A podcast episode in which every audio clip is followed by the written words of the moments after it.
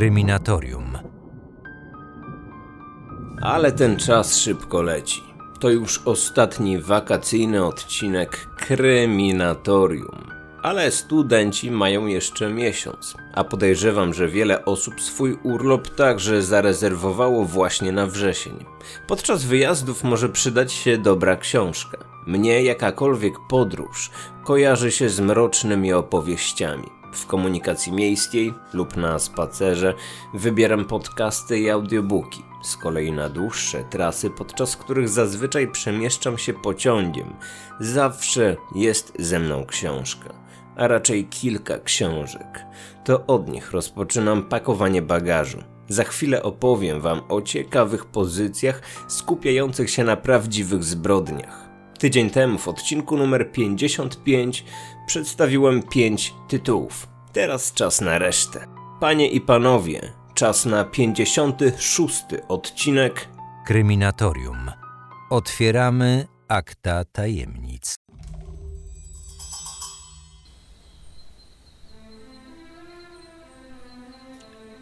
Skończyliśmy ostatnio na szóstym miejscu, więc teraz miejsce numer 5. Tę książkę czytałem już kilka dobrych lat temu. Byłem wówczas na pierwszym albo drugim roku studiów i wtedy nie myślałem nawet o jakimkolwiek nagrywaniu filmów czy podcastów. Jednak książka zainteresowała mnie na tyle, że i tak zaznaczyłem w niej kilka fragmentów. Chciałbym je teraz odczytać, ale niestety nie mam do niej dostępu. Pamiętam jednak, że był to opis małych robaczków, które w błyskawicznym tempie rozprzestrzeniają się na zwłokach. Pamiętam również w jakie miejsca owe robaczki wchodzą najszybciej i najchętniej. To czerwie. Ta nazwa utkwiła mi w pamięci i te obrazowe opisy zapamiętam jeszcze długo. Tajemnice wydarte zmarłym. Autor Emily Craig. Myślę, że ta pozycja jest Wam znana. Kilka miesięcy temu w księgarniach pojawiła się nowa wersja tej książki z czaszką na okładce od wydawnictwa Znak. Książka ma podobny klimat jak Trupia Farma. Zresztą autorka to uczennica założyciela Trupiej Farmy doktora Bassa. O tych książkach wspominałem już u siebie w materiale promocyjnym, ale według mnie pozycja Emily Craig jest ciekawsza, albo przynajmniej równie dobra. Treść skupia się wokół antropologii sądowej. Nawet nie zdajecie sobie sprawy, ile informacji można wyczytać z ludzkich kości. Autorka w tej dziedzinie jest prawdziwym ekspertem i opisuje nam swoje najciekawsze przypadki z całej kariery. Jako, że książkę czytałem wiele lat temu, zbyt wielu szczegółów nie pamiętam. Wiem jednak, że siedząc na ostatnich wykładach, myślałem już tylko o tym, aby jak najszybciej wrócić na stację, czyli do wynajmowanego pokoju i kontynuować lekturę. To chyba najlepsza rekomendacja dla książki. Jeżeli podobały Wam się trupie farmy, to gwarantuję, że tajemnice wydarte zmarłym również Was nie zawiodą. Wampir z Zagłębia Autor Przemysław Semczuk. Kolejna pozycja w zestawieniu od Przemysława Semczuka. Tym razem reportaż dotyczący największego, najsłynniejszego i najbardziej przerażającego polskiego mordercy Zdzisława Marchwickiego. No właśnie, czy Zdzisław rzeczywiście był tym wampirem? Semczuk przedstawia nam całą sprawę jak zwykle bazując na aktach sprawy i doniesieniach prasowych. Książka jest trudna w odbiorze. Jest tam mnóstwo cytatów prosto z archiwalnych protokołów. Poza filmem dokumentalnym Jestem mordercą to najlepszy szczegółowy opis zbrodni wampira. Typowy reportaż. Właśnie tego typu pozycje lubię najbardziej. Przyznam, że czytając tę książkę z każdym kolejnym rozdziałem pojawiała się u mnie coraz większa melancholia, ponieważ zdawałem sobie sprawę, że na śmierć najprawdopodobniej wysłano niewinnego człowieka. Autor nie ma wątpliwości. Zdzisław był kozłem ofiarnym. Prawdziwy wampir nie odpowiedział za swoje czyny. Zakładam, że wielu z Was zna tę historię z głośnego filmu Macieja Pieprzycy Jestem mordercą. Rzeczywistość wyglądała nieco inaczej. W procesie wampira dużą rolę odegrali jego bracia, którzy razem ze Zdzisławem siedzieli na ławie oskarżonych, ale o tym będziecie mogli już przeczytać w książce Wampir z Zagłębia. Jeżeli słuchacie mnie regularnie, to wiecie, że jestem fanem audiobooków ale dopiero teraz przyszło mi do głowy, aby podawać również informacje, czy dana książka jest dostępna w wersji audio. Sprawdzam, jest. Wampir Zagłębia. 10 godzin słuchania do znalezienia w audiotece. Całkiem przyjemny głos lektora. Ja czytałem tę książkę wiele lat temu i chyba sobie nawet odświeżę tę historię właśnie za sprawą audiobooka. Zaczynamy top 3 od zagranicznej pozycji. Na tropie mordercy Joachim Palmqvist. Kupiłem tę książkę przez przypadek. Za każdym razem, gdy tylko widzę Empik, wchodzę w poszukiwaniu półki z napisem reportaże i literatura faktu. Ewentualnie, jeżeli mam więcej czasu, zaglądam również na kryminały. To trochę jak z otwieraniem lodówki co 5 minut. Wiemy, że nic nas tam nie zaskoczy, ale mimo wszystko coś do tego ciągnie. Sprawdzam premiery książkowe regularnie i rzadko zdarza się, aby cokolwiek mnie w Empiku zaskoczyło. Jednak tak właśnie było z książką Na tropie mordercy. Wydawnictwo Burda, raczej mało znane, stąd też pewnie niewielka akcja promocyjna tej książki. Wziąłem ją do ręki i pod tytułem przeczytałem słowa. Historia prywatnego śledztwa, które wstrząsnęło Szwecją. Z opisu dowiedziałem się, że chodzi o zaginięcie szwedzkiego milionera i śledztwo, które doprowadziło do rozwiązania sprawy. Brzmi ciekawie, ale mimo wszystko do tej historii podchodziłem sceptycznie. Pamiętam, że od razu podzieliłem się z wami moim nowym zakupem na Instagramie i chwilę później otrzymałem kilka odpowiedzi na relacje z informacją, że dokonałem bardzo dobrego wyboru. Ta książka łączy ze sobą wszystkie elementy, które dla mnie są najbardziej emocjonujące. Przede wszystkim tajemnicze zaginięcie. Akcja rozgrywa się w niewielkiej miejscowości w Szwecji. Ja jestem fanem skandynawskich kryminałów. Może teraz czytam tego mniej, ale na moich półkach wciąż znajdują się wszystkie powieści Jonesbo oraz Mankela. I w tej książce czuć ten skandynawski klimat. Drugi z ciekawych elementów to majątek zaginionego. Był to człowiek niezwykle zamożny i wiele osób mogło chcieć się go pozbyć. Co najważniejsze, tajemnica została rozwiązana nie za sprawą policji, a zwykłej kobiety, która zaangażowała się w tę historię i doprowadziła do rozwiązania sprawy. Jeżeli sięgniecie po ten tytuł, zalecam, by nie robić w tej książce przerw.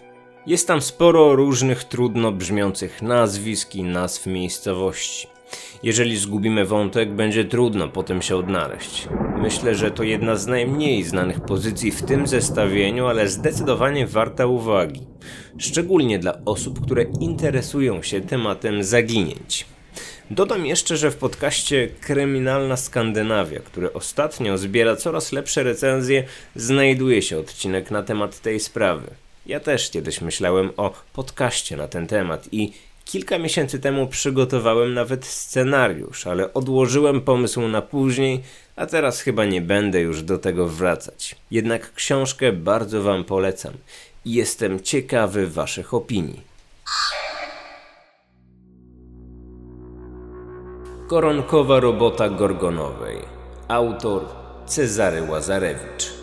Historia, o której słyszał każdy, ale nigdzie nie znajdziecie tylu szczegółów.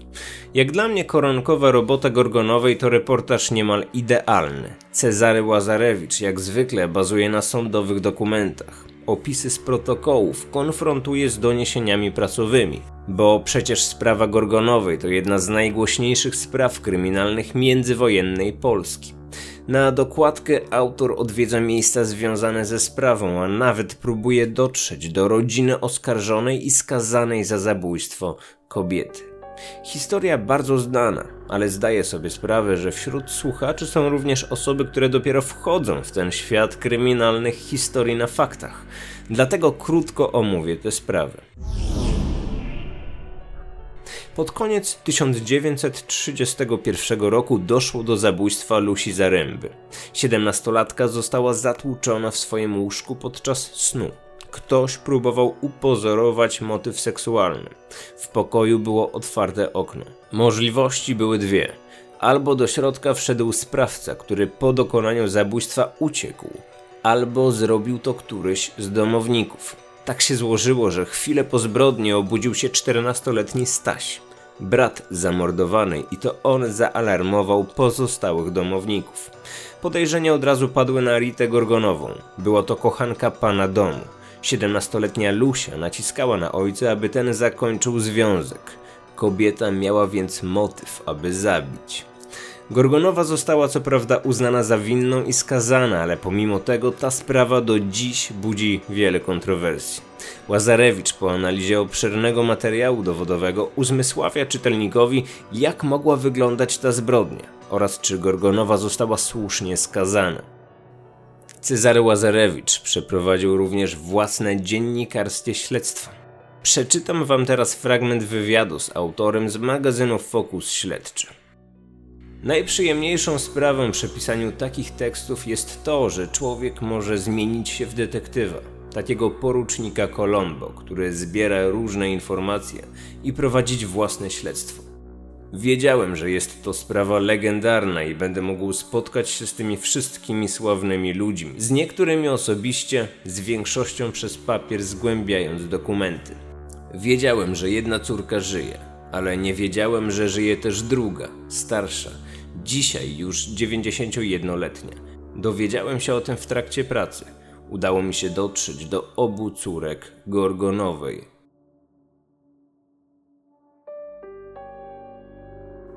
O efekcie tych poszukiwań możecie przeczytać już w książce. Autor odwiedził również Lwów, aby zobaczyć najważniejsze miejsca dla tej sprawy na własne oczy. Teoretycznie, dziś niemal wszystko możemy znaleźć w internecie. Jednak wizyta w takich miejscach daje zupełnie nowe możliwości do interpretacji zdarzeń. Autor wszedł w tę historię najgłębiej, jak to tylko możliwe. Poczujecie to po przeczytaniu reportażu, który, tak jak inne książki tego autora, jest dostępny także w formie audiobooka.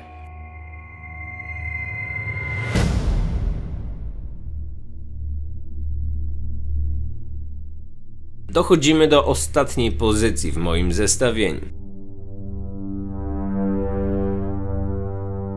Zanim zdradzę o jaki tytuł chodzi, wspomnę jeszcze, że podchodziłem do tej książki sceptycznie. Wolę sprawy, które są mało znane, a losy Karola Kota zostały przedstawione już setki razy.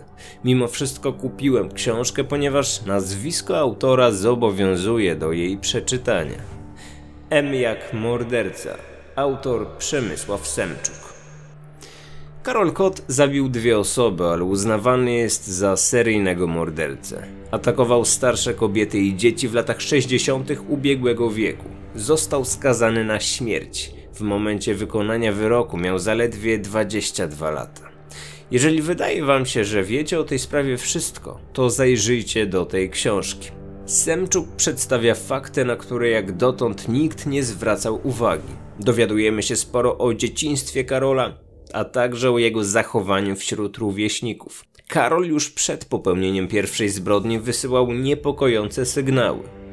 Jak dla mnie książka jest świetna. Dokładna analiza setyka, może nawet tysięcy stron dokumentów, fragmenty doniesień prasowych i tak jak w przypadku Łazarewicza, dziennikarskie śledztwo. Przemysław Semczuk próbował dotrzeć do siostry młodego mordercy i co najważniejsze, obalił mit dotyczący kota, który funkcjonował od wielu lat i był powielany nawet przez ekspertów. Dla mnie szczególnie ciekawy wydaje się ostatni rozdział tej książki. Tam autor opisuje warsztat swojej pracy oraz trudy, z jakimi musiał się zmierzyć podczas zbierania materiału do reportażu. Takie książki lubię czytać najbardziej. Jeżeli kiedyś będę pracować nad własną publikacją, to na pewno moją inspiracją i wzorem będą reportaże Semczuka i Łazarewicza. Swoją drogą zastanawiam się, jakiego seryjnego mordercę na swój cel w kolejnej książce obierze Przemysław Semczuk. Zastanówmy się. Zacznijmy od północy Polski. Jeżeli chodzi o najbardziej znanych, to tak. Tuchlin jest już opisany w powieści Wójcika. Jeżeli chodzi o Szczecin, to kilka dni temu premierę miał Rzeźnik. Zupełnie nowa formuła w twórczości Czornyja. Historia zainspirowana Józefem Cypkiem. Swoją drogą nie miałem okazji jeszcze jej przeczytać. Chętnie usłyszę o waszych opiniach na Instagramie. Lecimy dalej. Pękalski. To bohater książki Bestia autorstwa Magdy Omilianowicz. Poznaniu zbrodniarze opisuje Michał Larek. Edmund i Kwaśniak opisany. Knechała i Marchwicki, wiadomo, wspominałem o tym w podcaście. Mazurkiewicz też już opisany w książce Elegancki morderca. Z Krakowa jest jeszcze kot, ale ten temat już wyczerpany. Hmm, kogo brakuje?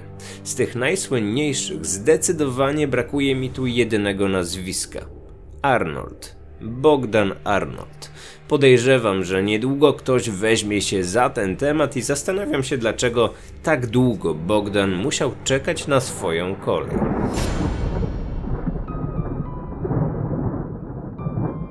Ode mnie na dziś to już wszystko. Przynajmniej jeżeli chodzi o książki, bo za chwilę przejdziemy do podcastowych opinii z serwisu iTunes. Ten temat dotyczący zestawienia książek chodził za mną od bardzo długiego czasu i cieszę się, że w końcu mogę z siebie zrzucić ten ciężar. Jestem ciekawy, jak przyjmie się ten odcinek. Jeżeli będzie zainteresowanie, to chętnie przygotowałbym inne tego typu zestawienia. Książki typowo o zaginięciach, książki o profilowaniu, książki o mordercach, najlepsze podcasty, najlepsze kryminalne audiobooki itd. Tak itd. Tak Tematów może być sporo. Zobaczymy, wszystko w swoim czasie. Za tydzień na pewno lecimy z kolejnym tematem niewyjaśnionej zbrodni. Na koniec standardowo zaglądam do działu oceny i recenzje na iTunes. Gdy nagrywam ten podcast, Kryminatorium znajduje się na pierwszym miejscu w zestawieniu najpopularniejszych podcastów w tym serwisie w Polsce. Start podcastu był jedną z moich najlepszych decyzji w dotychczasowej internetowej karierze. Nie spodziewałem się, że mroczne opowieści w wersji audio będą cieszyć się tak dużym zainteresowaniem, a i mnie sprawią tak wiele przyjemności. Przemo 52 pisze. Codziennie jestem na rybach i zawsze podczas łowienia leci twój podcast. Słucham od samego początku i widać zmiany. Oczywiście na plus. Jedynym minusem jest to, że powoli zaczyna brakować podcastów do słuchania. Mam pytanie, czy zwykły szary człowiek może w jakiś sposób uzyskać dostęp do akt, czy trzeba być kimś, w cudzysłowie, w tej dziedzinie? Pozdrawiam i życzę powodzenia w rozwoju podcastu. Pozdrawiam autora i dziękuję bardzo za opinię. Jeżeli chodzi o pierwszą część wypowiedzi, o to, że zaczyna brakować podcastu, to myślę, że nie jest to problem, ponieważ w Polsce pojawia się coraz więcej ciekawych podcastów. Zarówno jeżeli chodzi o sprawy kryminalne, to jest tego coraz więcej, ale również o każdą inną możliwą tematykę. Ostatnio znalazłem na przykład nowy podcast o pieskach i to już jest drugi podcast o psach, który funkcjonuje na polskim rynku. Są wywiady z ciekawymi ludźmi, są podcasty sportowe, są podcasty podróżnicze. Zachęcam do sprawdzenia tych wszystkich list podcastowych w Polsce i gwarantuję, że każdy z Was na pewno znajdzie coś dla siebie. Widzę też, że coraz więcej osób znanych z YouTube'a lub z jakiegoś szeroko pojętego show biznesu pojawia się również w zakładkach podcastowych. To mnie bardzo cieszy, bo każda nowa osoba, która ma za sobą jakieś tam grono odbiorców, sprawia, że ten podcasting w Polsce rośnie i staje się coraz bardziej popularny. Poza podcastami są również audiobooki kryminalne, czy to Storytel, czy Audioteka. Ostatnio wszedł również Empik Go. Tam wszędzie możecie słuchać książek kryminalnych. Nie jest tego sporo, ale jeżeli dopiero zaczynacie swoją przygodę ze światem kryminalnym, to macie słuchania na kilka najbliższych tygodni albo miesięcy. Jeżeli lubicie kryminały, to sprawa wygląda jeszcze lepiej, bo ci znani autorzy jak Bonda, Puzyńska, Czorny, o którym wspomniałem, Chmielarz i tak dalej, i tak dalej, Ich książki są do wysłuchania we wszystkich najpopularniejszych y, serwisach, które oferują audiobooki w Polsce. A jeżeli znacie angielski albo niemiecki, to w ogóle macie już ogromne pole do wyboru, bo za granicą podcastów kryminalnych jest mnóstwo i te podcasty są świetne, bo tak naprawdę ludzie, którzy robią to w Polsce, to są 15 albo 20 lat za ludźmi z zagranicy. Tam podcasting jest tak bardzo rozwinięty, że warto się tym zainteresować. Druga część wypowiedzi to akta. W jaki sposób uzyskać dostęp do dokumentów? To jest pytanie, które pojawia się bardzo cięż, bardzo często. To jest temat, który bardzo Was nurtuje, bardzo Was interesuje, mm, a ja wspominałem o tym w jednym z odcinków. Tam omówiłem wszystko i muszę tutaj zapauzować na chwileczkę i sprawdzić, który był to odcinek. Tak, już mam. Jest to odcinek numer 34 opublikowany 25 marca 2019 roku. Jego tytuł to Kulisy Kryminatorium. Około pół godziny Michał Larek zaprosił mnie na wykład do swoich studentów. Tam opowiadałem o tym, czym się zajmuję, i tam pojawił się również wątek e, analizy tych sądowych dokumentów. E, powiedziałem, jak to wygląda w moim przypadku. Michał powiedział, jak to wygląda w jego przypadku, bo on również analizuje tego typu e, akta. I tam na pewno znajdziecie najwięcej informacji. Ja w skrócie powiem, że trzeba złożyć wniosek do sądu i w jakiś sposób go uargumentować. Potem sąd wydaje zgodę e, albo nie wydaje tej zgody, i na tej podstawie można czytać te, te, te stare dokumenty. Lecimy z kolejną opinią. Nickname małpa 91. Słucham i śledzę Twoją pracę od dłuższego czasu. Widać coraz większy profesjonalizm wkładany w każdy kolejny odcinek. Twój Instagram również się zmienia. Widać, że w bardzo dużej części Ty tym po prostu żyjesz. Może Patronite. Z chęcią postawiłbym Ci wirtualną kawę za pracę i czas poświęcony w tworzeniu kanału. A sądzę, że wiele innych osób również postawi Ci kawę. Wielu sukcesów. Instagram. In... Ojej. Instagram się zmienia. No tak, e, coś w tym jest. E, ostatnio zauważyłem, że tych osób na Instagramie jest więcej niż na Facebooku. Ten, ten liczba obserwatorów na Instagramie już przerosła dawno liczbę obserwatorów na Facebooku, co jest dosyć dziwne, bo z Facebookiem wystartowałem chyba rok albo półtora roku wcześniej. Sam łapię się często na tym, że nawet prywatnie piszę do znajomych częściej na Instagramie niż na Facebooku, więc powoli chyba Instagram przejmuje rynek, jeżeli chodzi o tych influencerów i w ogóle o jakieś prywatne kontakty. Mm, zachęcam Was do odwiedzenia profilu Kryminatorium Niediegetyczne. A dlaczego? E, dlatego, że tam w relacjach mówię chyba najwcześniej o sprawach, którymi się zajmuję. Czasami pokazuję miejsca, które odwiedzam, a w najbliższych tygodniach, miesiącach zamierzam odwiedzić kilka miejsc w Polsce i tam przygotować mini reportaże podcastowe i na pewno będę relacjonować to wszystko na Instagramie, więc jeżeli jesteście ciekawi, Kryminatorium, podłoga niediegetyczne, tak się nazywa mój profil, tam można mnie znaleźć. E, druga część e, wypowiedzi nickname'a Małpa91 skupia się na Patronajcie. Przyznam, że kilka miesięcy temu, chyba przed wakacjami, luty albo marzec, napisałem nawet tekst, w którym opowiadałem i zagajałem do rozpoczęcia Patronite'a, ale ostatecznie z tego zrezygnowałem. Sam nie wiem dlaczego, mam jakieś opory przed tym, aby tego Patronite'a założyć. Chodziło mi to po głowie długo. Mm, możliwe, że w końcu się na to zdecyduję, ale na razie na pewno odkładam ten plan na październik. Właściwie nie wiem dlaczego. Może dlatego, że zdaję sobie sprawę, że żeby to się dobrze kręciło, żeby to dobrze działało, to również wymaga to ogromnej promocji, szczególnie na początku. A to wiąże się z dużym nakładem pracy i czasu. A jeżeli będę zajmować się Patronite'em, mm, czy próbą rozkręcenia tego na początku, to nie będę mógł zajmować się podcastami i filmami. A w związku z tym, że czasu jest niewiele, to nie chcę go tracić na Patronite'a. To jest takie trochę błędne koło, bo w konsekwencji, gdyby był Patronite, byłaby osoba, która mogłaby mi w tym pomóc e, i tak dalej, i tak dalej. W każdym razie na razie odstawiam ten plan Patronite'a na, na przynajmniej kilka tygodni albo kilka miesięcy później. Mm, drugi powód może jest też taki, że Trochę boję się tego, że jednak gdybym już to zapowiedział, że ten Patronite istnieje, to okazałoby się, że jednak nikt nie chciałby żadnych pieniędzy na to przeznaczyć i na tym Patronajcie byłoby 300, 400, 500 zł, a no w przypadku moim, gdy tych odbiorców jest już całkiem dużo, to byłoby to trochę jakaś porażka i może trochę tej porażki się boję. Nie mówię nie, może kiedyś się przełamie, ale obecnie zostawiam ten temat Patronite'a na czarną godzinę. Na razie mam wszystko, czego potrzebuję. Zainwestowałem w sprzęt, który jest, no, całkiem dobry. Mm, przydałoby się e, kilka innych rzeczy, jakiś obiektyw, lepszy statyw i tak dalej, ale to są takie elementy, które nie są niezbędne. Te wszystkie niezbędne rzeczy do nagrywania już posiadam, więc bez Patronite'a mogę sobie jakoś poradzić na razie. W każdym razie ten temat Patronite'a pojawia się coraz częściej w komentarzach i na grupie na Facebooku, więc daje mi to na pewno coraz więcej do myślenia. Dobra, widzę, że rozgadałem się już bardzo. Jest, jest już 30 minut nagrania. Gdy to podmontuję, będzie trochę mniej, ale na pewno będzie ponad 20 minut. W taką długość odcinków będę celować w przyszłości między 20 a 35 minut. Dlaczego?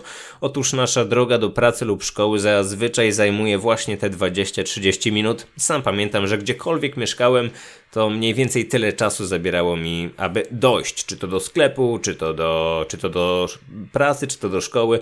Dlatego w taką długość odcinków podcastu będę celować. Może będą zdarzać się jakieś dłuższe, ale rzadko. Dzisiaj jest już y, ta długość y, moim zdaniem idealna, więc y, czas kończyć. Dziękuję Wam za uwagę. Mm, słyszymy się oczywiście w kolejny poniedziałek, kolejne kryminatorium. Tym razem postaram się opublikować przed południem. Do usłyszenia. Kryminatorium. Otwieramy akta tajemnic.